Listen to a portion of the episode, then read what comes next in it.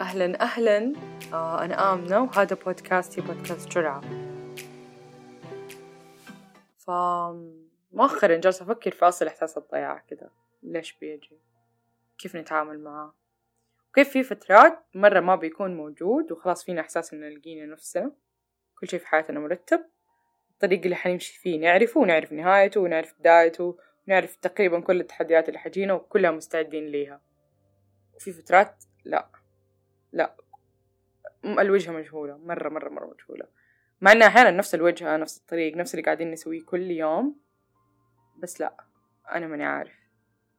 أم أحس مرة غريب مرة غريب. ليه يجي ويروح أصلا؟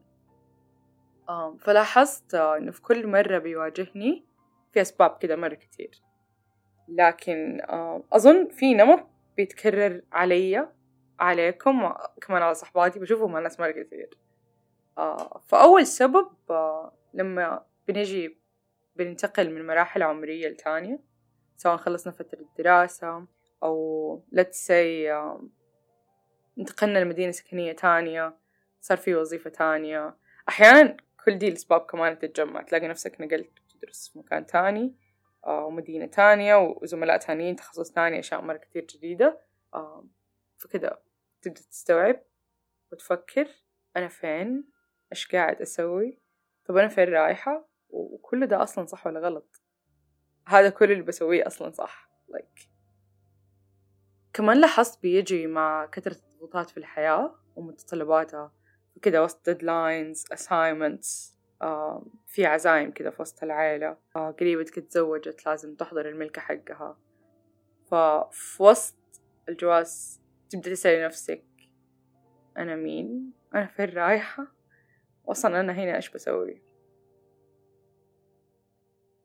من كتر ما واجهني الإحساس هذا صرت أحاول أشوف الجانب المشرق منه وبسميه بصيص الأمل.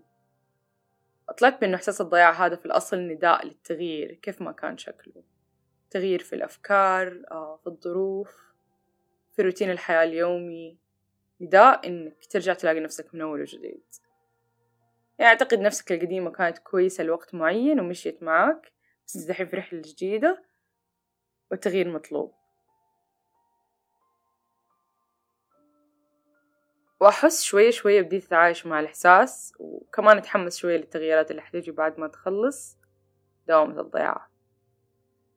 بطريقة ما بديت أستوعب إنه كل الكون بيتحرك وبيتغير وأنا كبني آدم أنا في ذا الكون فأنا كبني آدم دائم التغيير دائم الاستكشاف. فليه بقاوم دا الشعور أصلا؟ لا خلاص أسمح لنفسي تضيع شوية. أبدأ أغير أستكشف زوايا جديدة في الحياة أتعلم منها وأسوي حياة تتناسب مع اللي تعلمته من الضياع. أعتقد صار لازم إني أسوي كذا. أعود عيوني تشوف بصيص الأمل وفي كل مرة أذكر نفسي إنه الضياع مؤقت. بيواجهني عشان بأمر بتغيير. الأكيد إنه مو الحل إني أقفل على نفسي في الظلام وأصير أنا والضياع وضيق الأفكار وقتها. لا العكس تماما. الحل فتح لي الإحساس أسمح له يخليني أعيش تجارب مختلفة ومغامرات يعني يمكن مو كلها تناسبني بس على الأقل حكون عرفت وقتها إنه دا يناسبني ودا لأ.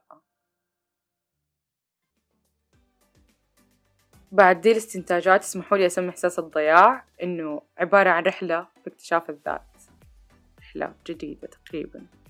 أحسه شوية ألطف وكمان أدق يعني. حرفيا إحنا ما بنضيع إحنا بس بنلاقي نفسنا مرة تانية أتوقع.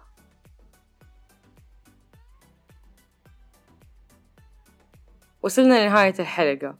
ومن قلبي أتمنى رحلة اكتشاف ذواتكم الجاية تكون ممتعة وفيها تحديات. تتعلموا منها شكل الحياة اللي يشبهكم. كنت معاكم أنا آمنة من بودكاست جرعة.